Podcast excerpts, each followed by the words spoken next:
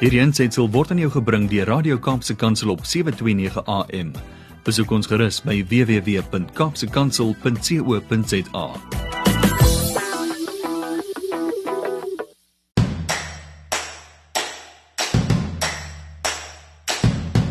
Dit is weer Saterdag, dit is net na 7 en jy luister na Landbou Landskap. Hartlike goeiemôre van my Willem van Jaarsveld, jou gasheer uh, vir die tydjie tussen 7 en 8 vanoggend. Dit is my voorreg om met jou te gesels oor landbou sake op Radio Kaapse Kansel wat uitsaai op 729 AM. In vanoggend se program die volgende: Ons skop af met saad vir die saaier en vanmôre kyk ons na Johannes 9 vers 1. Dit kom om 10 oor 7 aan die beurt in Kapstok wat aan die beurt kom so 20 oor 7 kyk ons na nuusgebeure en tussen 08:30 en 10 voor 8 gesels ons ouer gewoonte met Dr. Theo die Jager oor die Wêreldlandbouorganisasie en vandag vertel hy ons meer oor die gimnasium wat hulle jaarliks aanbied. Daarna kyk ons vinnig na die belangrikheid van inenting teen bruselose. In die tweede helfte van Huis en Hart gesels ons met Wandile Sishlobo, die hoofekonoom van Ekbus oor die voedselsekuriteitsindeks en ons sluit Huis en Hart af met die eerste in ons reeks gesprekke met dokter nie dokter nie, ekskuus Andre, maar jy, jy is slim genoeg vir 'n dokter. Met Andre Diedriks oor familieboerdery. Landbou landskap word afgesluit met stories van hoop wat omstreeks 10 voor 8 aan die beurt kom. Landbou landskap word aan jou gebring met die komplimente van Cape Pots varsprodukte mark. Ons hoor graag van jou die luisteraar. Jou kommentaar en aanbevelings is welkom. Ons wil graag eh, jou luisterervaring so goed as moontlik maak en om dit te kan doen, wil ons graag hê dat jy met ons ook moet gesels. Gesels met ons deur middel van ons WhatsApp en Telegram skakels by 081 729 1657 of stuur 'n SMS aan 37988 en onthou jou boodskap moet begin met die woord landbou. Ek is net hierna terug.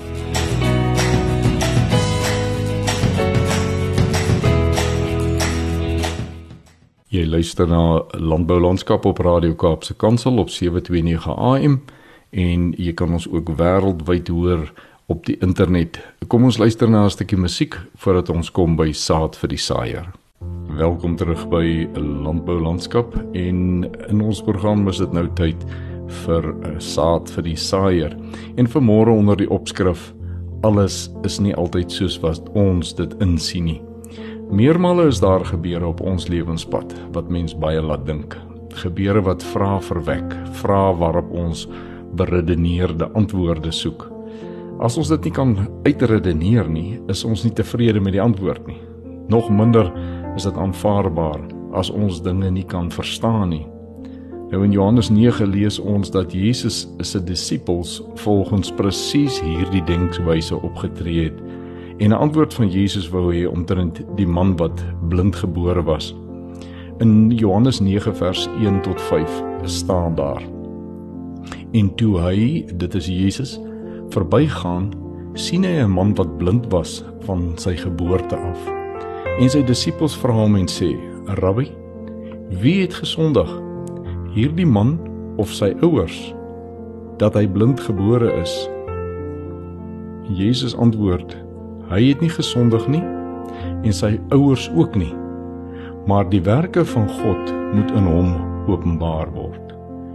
Ek moet die werke doen van hom wat my gestuur het, solank as wat dit dag is. Die nag kom wanneer niemand kan werk nie. Solank as wat ek in die wêreld is, is ek die lig van die wêreld. So baie maal neem ons die lewe en omstandighede in ons lewe waar vanuit ons beperkte verwysingsraamwerk. 'n verwysingsraamwerk wat gevorm is deur ons godsdienstoortuigings, godsdienstbelewennisse, ons opvoeding, ons kultuur en ons eie lewenservarings. Ons kyk baie simplisties na sake.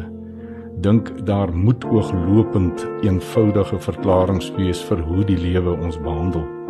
En soms voel ons uh, dat die lewe ons redelik stief behandel. Hoeveel maal vra ons Hoekom nou dit of dat? Hoekom is daar soveel opdraandes in my lewe? Verdien ek dan niks beter nie? Jesus se antwoord aan sy disippels aangaande die blinde man is beduidend. Ook vir ons is in, hierdie tyd en elke dag van ons lewens is dit beduidend. Jesus maak dit duidelik dat die disippels as rede vir die man se blindheid aanbied dat daar sonde moet wees. Dis glad nie die waarheid nie. Die man se toestand van blindheid is 'n geleentheid waardeur die werke van God in hom geopenbaar kan word. As ons met hierdie pers perspektief na uitdagings op ons lewenspad begin kyk, sal ons gereeld die werke van God in ons eie lewens ervaar. Sal dit ons aanspoor om met vreugde elke oënskynlike teëspoed tegemoet te gaan met die verwagting om nog 'n werk van God in ons lewe te kan beleef. Ons het net nodig dat ons met nuwe oë sal kyk, met 'n veranderde hart sal beleef en nuwe verwagting sal hê om uit te sien na God se werke in ons lewens. Uit al ons benoudhede red hy ons. Vir al ons weë beplan hy net die beste vir ons. Maar ons moet hom vertrou, hom volg en hom gehoorsaam wees. Kom ons bid saam. Vader, dankie dat ons deur Jesus met U versoen is. Dankie dat U ons hemelse Vader is wat net die beste vir U kinders wil gee. Gee ons asseblief oë om U bedoeling met ons lewe raak te sien. Gee ons geloof om in elke situasie U te vertrou vir die volmaakte uitkoms. Ons vra dit in Jesus se naam. Amen.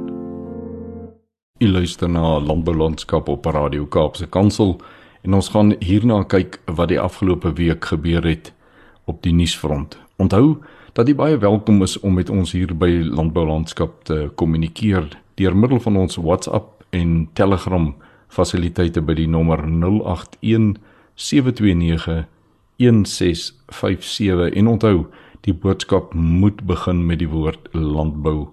Ek is net 'n uur na terug met Kapstok en nuusgebeure. Baie welkom terug by 'n landbou landskap en dit het tyd geword vir 'n kapstok. Ons kyk na 'n paar nuusgebeure en op landbou.com het ek afgekom op 'n artikel deur Jasper Raads waar onder die opskrif wildbedryf is teen die toue maar sien lig.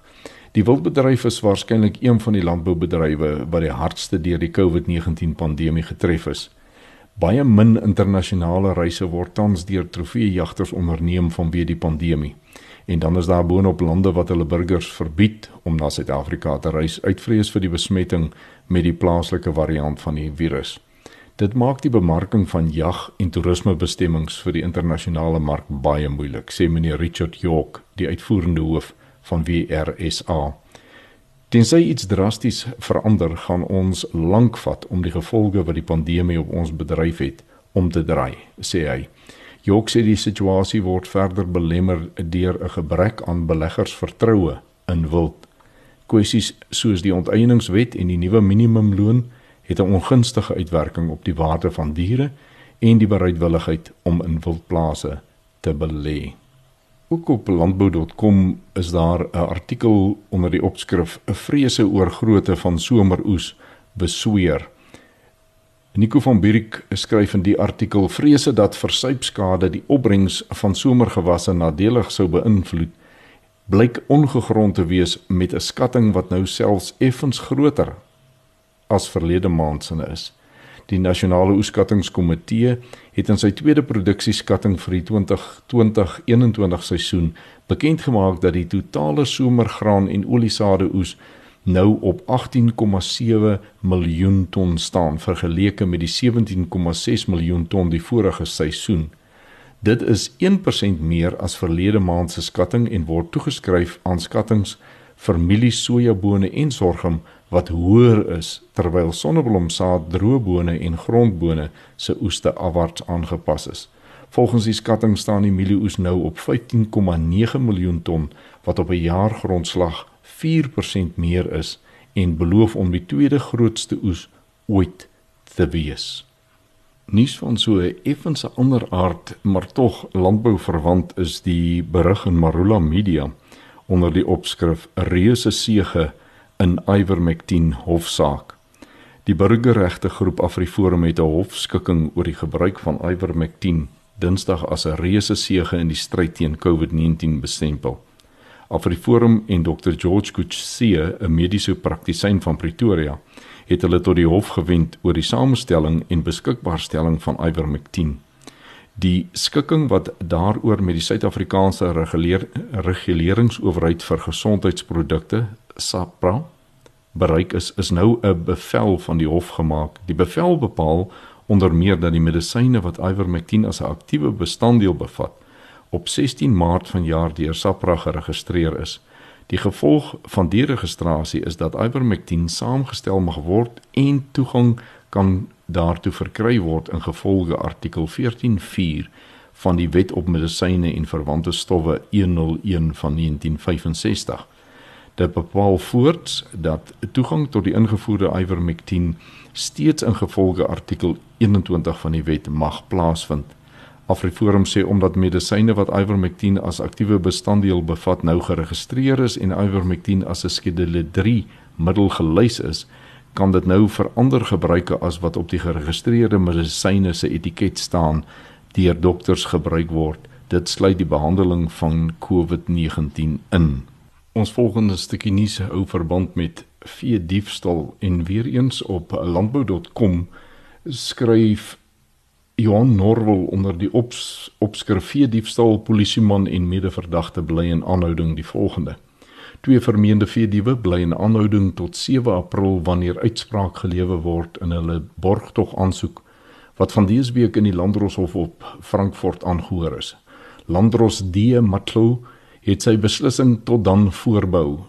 Dit volg op die inhegtenisneming van adjutant-offisier MJ Mokuna, waarnemende polisiebevelvoerder op Tweeling en meneer Lefias Mashlaba, 'n voorheen veroordeelde veedief op 'n klag van veediefstal. Die twee is op heterdaad betrap toe hulle na bewering 5 skape op die plaas van meneer Dani Miller in die distrik wou steel. Mokuno is in, in 1994 'n boete opgelê nadat hy 'n vuurwapen in die openbaar afgevuur en, en iemand gewond het. Mashlabo of Mashlaba het van tevore 'n skulderkenning van 10000 rand op 'n klag van veediefstal betaal. Sergeant T.J. Mokuna, die ondersoekbeampte wat die twee aangekeer het, het in sy getuienis borgtog teengestaan deur die landros op die openbare belang van die groep boere by die hof te wys. Dr Jane Wys, veiligheidsrisiko-ontleder van Vrystaat Landbou, het in haar betoog teen die borgtog onder meer daarop gewys dat veediefstal en polisiekorrupsie 'n wesenlike probleem in die landbou is. Buys het bevestig dat Vrystaat Landbou reeds in Oktober 2020 meneer Bekkie Cele, minister van polisie, versoek het om polisie betrokkeheid by vee diefstal syndikaate en plaasaanvalle te ondersoek. Meneer Dion van der Walt, Vrystaat Landbou streek verteenwoordiger by Tweeling, het bevestig dat sowat 30 boere van die omgewing voor die hof byeengekom het. Volgens van der Walt het hulle voor die beskuldigdes se eerste verskyning aan die staatsaanklaer te kenne gegee dat hulle die aansoek om borgtog sal teestaan. Bly ingeskakel want net hierna is dit tyd vir huis en hart en vanoggend praat ons oor die wêreldlandbou organisasie se gimnasium vir jong boere. Ons praat oor biosekuriteit en eintlik meer spesifiek oor bruselose en ons hoor wat die voedselsekuriteitsindeks vir jou en my beteken. Andri Diedericks sluit huis en hart af met familieboerdery sake. Na die volgende stuk musiek is ek terug met huis en hart. Jy luister na Radio Kaapse Kansel hier op 729 AM. Dis die program Landbou Landskap en in ons volgende aflewering in ons reeks oor die wêreld landbouorganisasie Uh gesels ons verder met Dr. Theo De Jager, die president van die Wêreldlandbouorganisasie. Goeiemôre Theo. Baie dankie Willem. Goeiemôre. Dit is altyd iets om na uit te sien hierdie gesprek met jou.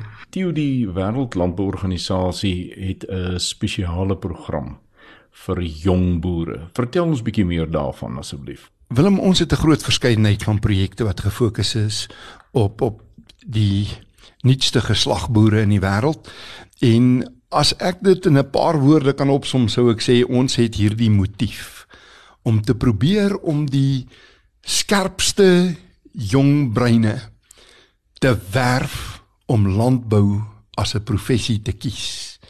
Ons is daarop uit om seker te maak dat ons die sterkste jong leiers na hierdie bedryf toe lok. En om dit te doen, het ons so 3 jaar gelede ehm um, kort nadat my termyn by die Wêreldlandbouunie aanvang geneem het, het ons 'n gimnasium ehm um, geloods. Ons noem dit die World Farmers Organization Gymnasium. Ons neem in hierdie gimnasium elke 2 jaar so ongeveer 25 jong mense van verskillende lande en verskillende organisasies aan boord en dan bring ons hulle so 8 keer bymekaar oor 2 jaar. En tydens hierdie bymekaar kom sessies, stel ons hulle bloot aan die mees kontensieuse kwessies in landbou. Die goed waaroor ons geslag sal huiwer om te praat. Genetiese modifikasie, die rol van subsidies, ehm um, handelsmaatreëls, storting en die tipe van goed. Die goed waaroor ons sukkel om eensstemmigheid te kry om beleid te beïnvloed. Ons laat hulle dit met mekaar uitstoei. Aan die een kant gee dit vir hulle 'n goeie oefening, dwing dit hulle om 'n geweegte standpunt in te neem, maar aan die ander kant stel dit hulle ook bloot aan die teenoorgestelde van hulle eie standpunte en van die sterkste jong leiers aan daardie kant en neem hulle baie sterk kennis van presies hoe kompleks hierdie kwessies is. Maar nie net dit nie by hierdie geleenthede wat elke keer op 'n ander plek in die wêreld geskied. Nooi ons sprekers soos die sekretaris-generaal van die Verenigde Nasies, die direkteur van die Voedsel- en Landbouorganisasie, die president van die Internasionale Fonds vir Landbouontwikkeling, die voorsteur van die Wêreldhandelsorganisasie, waar hulle eerstehands by hierdie mense kan verneem presies hoe werk internasionale be, be, besluitnemingsprosesse en beleidsmakingsprosedures en waar hulle kan stoei met die huidige beleid. En op dië manier slyp ons hulle kundigheid en maar ook hulle ervaring om op daardie vlak te begin kommunikeer. Trouwens, elkeen van hierdie deelnemers aan die gimnasium kry 'n geleentheid om as die spreekbuis van die nuutste generasie boere in die wêreld 'n toespraak te maak. Hulle maak 'n toespraak byvoorbeeld voor die algemene jaarvergadering van die Verenigde Nasies in New York voor die kommissie vir voedselsekerheid wat gewoonlik in Rome plaasvind. Voor UPOF, die Verenigde Nasies se plantteelersregte organisasie in Genève, voor die World Economic Forum in Davos in Switserland voor die Farmers Forum van die Internasionale Fonds vir Landbouontwikkeling, voor die kongresse van beide die Internasionale Saadfederasie en die Internasionale Kunsmis Federasies. Hulle praat voor die kongres van die Wêreldbank. Hulle praat by die Europese Unie se landbou debat in Brussel elke jaar.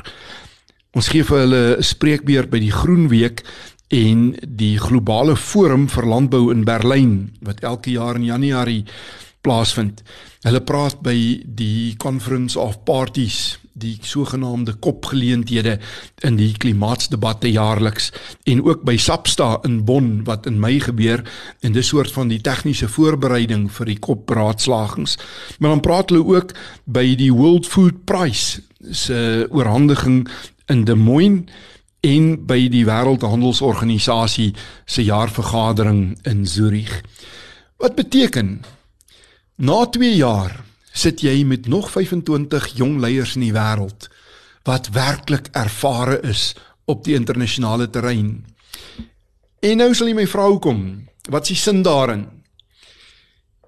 Ek het voordat ons hierdie ding geloods het, ek gaan dit na die landbouleiers in Duitsland, Frankryk, Engeland, VSA, Kanada, Nieu-Seeland, Australië, Argentinië en Brasilië. En hulle gesê In 'n tyd wat daar ernstige konflik was en wat dit allerweeg gelyk het of die wêreldlandbouunie dalk het mekaar uit kon skeer, juis oor hierdie tipe van kwessies. Ek het vir hulle gesê, kan julle julleself verbeel dat ons dalk 30 jaar gelede as jong mense so 'n geleentheid kon gehad het? Hoeveel beter ons mekaar vandag sou verstaan het? Wat 'n beter span ons vandag sou gewees het?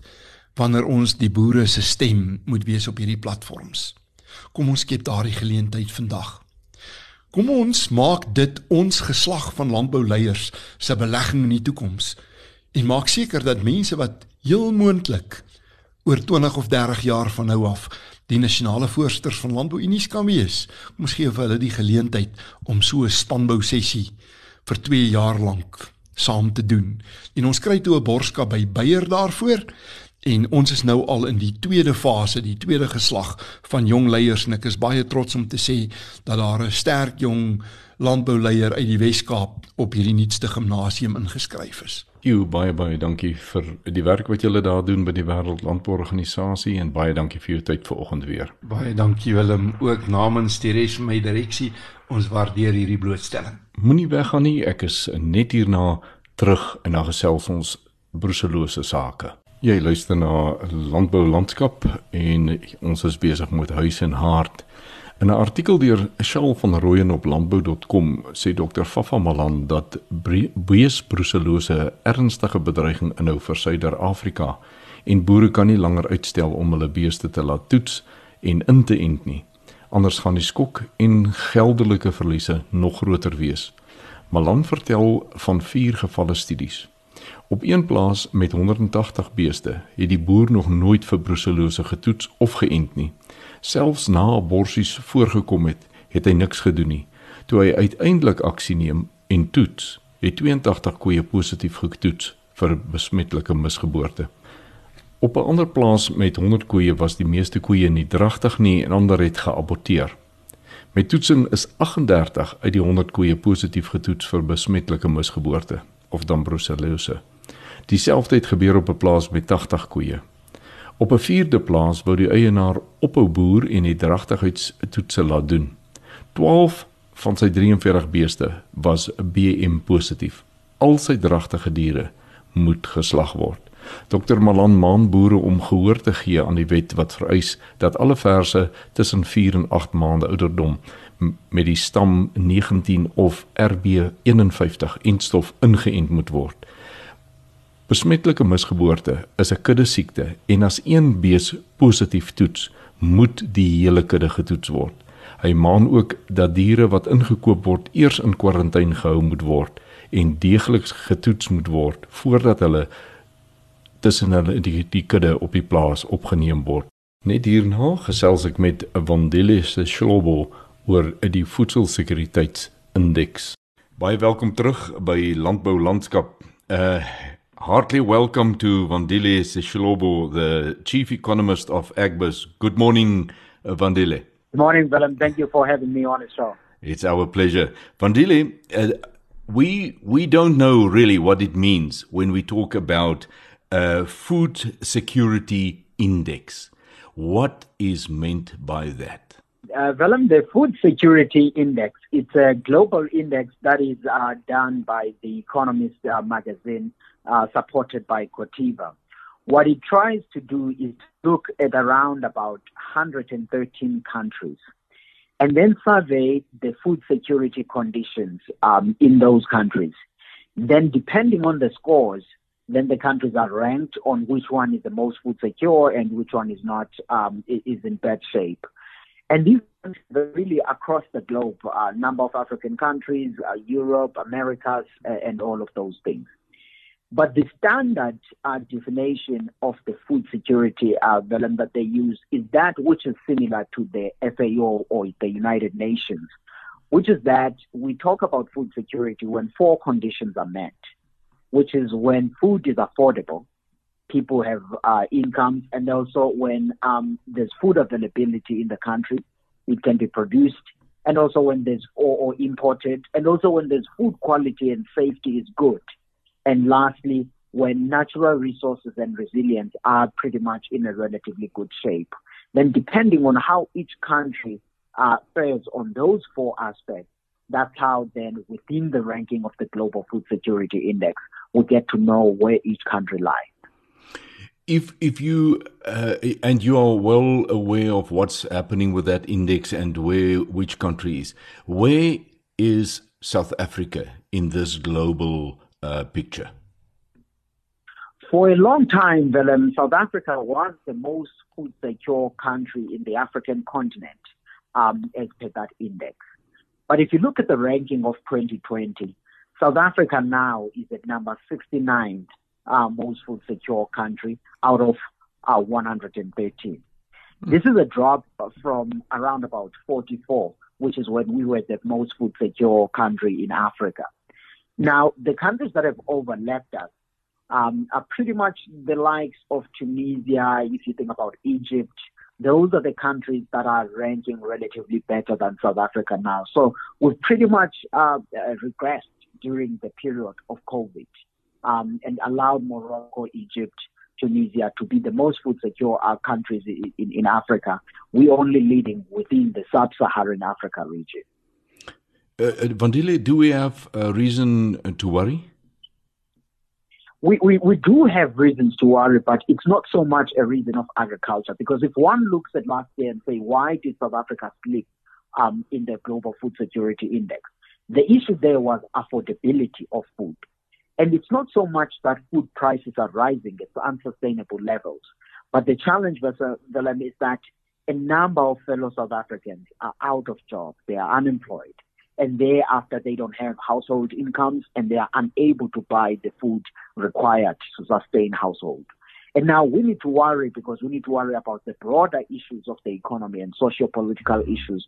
That means that that allows businesses to thrive and employment opportunities to be created on the country until we solve the major economic and political issues in the country. Those will continue to threaten agriculture. But agriculture on its own in, in the Republic of South Africa is doing very well. We continue to be major exporters. We continue to produce food that is relatively affordable in global standards. But it's just that we have uh, millions of fellow South Africans that are out of work and therefore struggling to buy the food, regardless of where the pricing of the product is. That we need to worry, both as firms and citizens, but also the policymakers who are responsible for policies that allow businesses to thrive or otherwise in the country. Vandili, thank you so much uh, for participating in our program this morning. We appreciate your insight and uh, all of the best for your career. Thank you. Thank you. Dit was dan ons gesprek met uh, Vandili Shlobo van uh, Agbus net hierna die eerste in ons reeks oor familieboerderye ons gesprekke met meneer Andre Diedericks van Fabasa. Ons gesels met uh, meneer Andrei Diedericks oor familieboerdery sake. Goeiemôre Andrei. Goeiemôre Willem. Andrei, familieboerdery kom baie keer baie baie jare. Maar wat is die gevaarligte wat gesien moet word binne 'n familieboerdery? Daai ge gevaarligte wat aandui dat dis nou tyd om professionele raad en hulp in te kry. Ja, die die gevare by familieboerdery het verskil nou nie eintlik van ander familieondernemings nie. Dit dit dit, dit is maar universele dinge wat gepraat van word. Ons het jare terug video's hieroor laat maak om dit op papier te illustreer maar. Een van die groot goed wat ek optel waar frustrasies en gevaarlike vandaan kom is is byvoorbeeld 'n pa wat nie kan gaan nie. Die kinders is onseker oor wanneer hulle rol waar gaan wees in die organisasie, wanneer kry hulle meer bestuursverantwoordelikheid want paal daai lys ons vas. Die die, die toekoms is onseker. En as jy wonder wanneer dit vir al gebeur is as die kinders hulle kinders begin kry begin hulle baie vra vra oor wat hulle toekoms is. Waar staan hulle dan 'n groot fout wat familieondernemings maak is hulle hulle dink bestuur en eienaarskap is dieselfde ding. Dis nie dieselfde ding. Die kinders behoort bestuursverantwoordelikheid te kry of voor eienaarskap oorgaan dis belangrik so. Wanneer word hierdie lys oorgegee kan groot spanning veroorsaak En 'n ander ding waarmee ek baie te doen kry is uh die Engelse noem dit sibling rivalry. Hierdie wetywering tussen kinders en voortrekkery van kinders. Dit is ook om uh, baie van my konsultasies en mediasies verander. Want daar's ongelukkigheid, onderliggende spanning, want daar's 'n gevoel van onregverdigheid. Nou dat onregverdigheid is 'n geweldige ding in familieboerderye en enige familieonderneming. Jy weet, binne Melissa herhaal homself tot hy die les geleer het. Hy gaan nie weg voor hom geleer het nie. Nou, onregverdigheid is dieselfde ding. Hy gaan nie weg. Iets wat nie regverdig is nie, sal nooit weg nie. Dan moet ons net op bespreek hier rond wat hy gesê het, niks is ooit finaal besleg of regverdig besleg is nie. En dan die derde ding waarmee ek sit is dat jy soms nie daar's twee kriteria vir opvolgers. Hulle moet gewillig en bevoeg wees. baie gevalle sit ons met gewillige opvolgers maar hulle is nie bevoeg nie of hulle is bevoeg maar hulle wil baie keer sit hulle met die feit dat kinders nie wil betrokke raak. Dan wat is die plan B dan nou? Dis die tipiese gevaar wanneer jy nou professionele hulp kan kry. Andre ek dink uh, as ons vir vandag net tot daar gaan en en sê dit is blykbaar dan 'n probleem wanneer die familie boerdery meer gesinslede moet begin akkommodeer. Het ek jou reg gehoor wanneer daar nou getrou word? Ja. Ja, ja daar daar moet ook ook net uitgebrei word by hulle. Ek net dit byvoeg oor die kinders wat nie betrokke is nie, waar staan hulle nie presies? Want dit is ook 'n spanningspunt wat ek al opgekry het. Absoluut. Baie baie dankie vir nou. Ons gaan weer verder met jou gesels volgende week. Baie dankie Andre. Goed, baie dankie presies. Ons vat vinnig 'n musiekbreek en dan net hierna is ek terug met stories van hoop. Jy luister na Landbou Landskap en dit is nou tyd eh, vir stories van hoop. Ons gee graag erkenning aan die Nederduitse Gereformeerde Kerk van Vredendal. Hulle het 'n projek Goedvoel Stories van Hoop waaruit hierdie skrywe van Dominee Janine Benowo Manders van die Nederduitse Hervormde Kerk Witfontein Pretoria Noord kom. Die opskrif is Klee jouself reg Dominee Janine skryf: Klere is vir die meeste van ons baie belangrik. Ons hou van nuwe en mooi klere. Paulus sluit aan by ons liefde vir klere wanneer hy in Kolossense 3 verse 12 tot 14 sê dat ons as gelowiges ons ook op 'n sekere manier geestelik behoort te klee. Hy sê: "Klee julle met nederigheid, begrip, goedgesindheid, sagmoedigheid, geduld, vergifnis en liefde." Ek dink dit is goeie raad vir die tye waarin ons ook lewe. Dit wil voorkom of mense aggressiewer en wreder word. Kyk maar net hoe woedend raak ons op die paaie en hoe ongeduldig is ons wanneer ons in toue moet staan en wag. Dit lyk dan beslis nie of ons na Paulus geluister het en ons geestelike klere aangetrek het nie. Dit lyk eerder of ons dit by die huis gelos het. Paulus stel voor dat ons begrip aantrek en sien hoe dit pas. Stel jouself in iemand anders se skoene. Probeer verstaan hoekom iemand op 'n spesifieke manier optree. Daar is dalk 'n baie goeie rede voor. Trek goedgesindheid behoor aan. In jou huwelik, soek na dit wat in jou maat se beste belang is. Bederf jou maat en probeer meer doen as wat daar van jou verwag word. Met ander woorde, wees goed vir die ander een. En dan nederigheid. As daar nou een gebied is waar trots die behoefte om reg te wees en die stryd om mag voorkom, dan is dit in 'n huwelik. Die gebrek aan nederigheid lei tot elke moontlike stryd. Nederigheid is om jou eie foute te erken en te erken dat die ander een ook 'n sê het. Sagmoedigheid is nog 'n waardevolle kledingstuk in die lewe. Dit is om nie opvleend of humeurig of risiemakerig of aanvallend te wees nie. Ons kan elkeen met 'n paar kledingstukke van sagmoedigheid doen. Geduld is 'n noodsaaklike kledingstuk in 'n huwelik en 'n ouer-kind verhouding veral. Het ons geduld nodig. In verhoudings het ons die vermoë om partykeer mekaar se verkeerde knoppies te druk. Geduld verg humor. Nog noodsaaklike kledingstukke is verdraagsaamheid en vergifnis. Daar is baie wat in verhoudings verdra moet word nêrens anders as in 'n huwelik en tussen ouers en kinders het 'n mens herhaaldelik nodig om te sê ek is jammer. Ek was verkeerd. Ek is lief vir jou. Vra en gee vergifnis so dikwels as nodig. Boor al die klere sê Paulus, trek liefde as 'n oorjas aan. Die onvoorwaardelike soort liefde. Die soort wat sê ek het jou lief, maak nie saak wat nie. Hierdie is nie van natuurlike stof gemaak nie. Dit is van geestelike goed gewewe. Jy kan dit nie uit jou eie krag skep nie. Jy het die Here nodig. Mag God deur sy gees aan ons die genade gee om ons elke dag so te beklee. Ons sê baie baie dankie vir die voorreg wat ons het om hierdie stukkie te kon met almal deel. Ons het weliswaar nie toestemming van Dominee Janine daarvoor nie, maar omdat dit op 'n webtuiste uh van die Vredendal gemeente gesit is, het ek die vrymoedigheid gevat om dit met ons luisteraars te deel. Ek dink dit is pragtig en almal kan iets daaruit put. Ek is net hierna weer terug.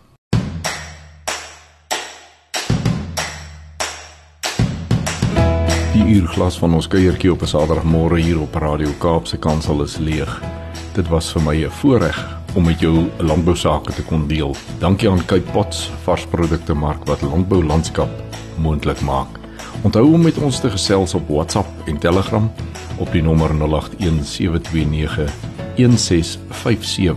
of per SMS op 37988 en moenie die eerste woord van elke boodskap vergeet nie. Begin jou boodskap met die woord landbou. Tot ons weer saam kuier volgende Saterdag om 7 uur op Radio Kaapse Kansel op 729 AM. Groet ek Willem van Jaarsveld en mag jy elke oomblik Vader se guns op jou lewenspad beleef. Bly gerus ingeskakel by Radio Kaapse Kansel. Ons volgende program begin net hierna. Wederom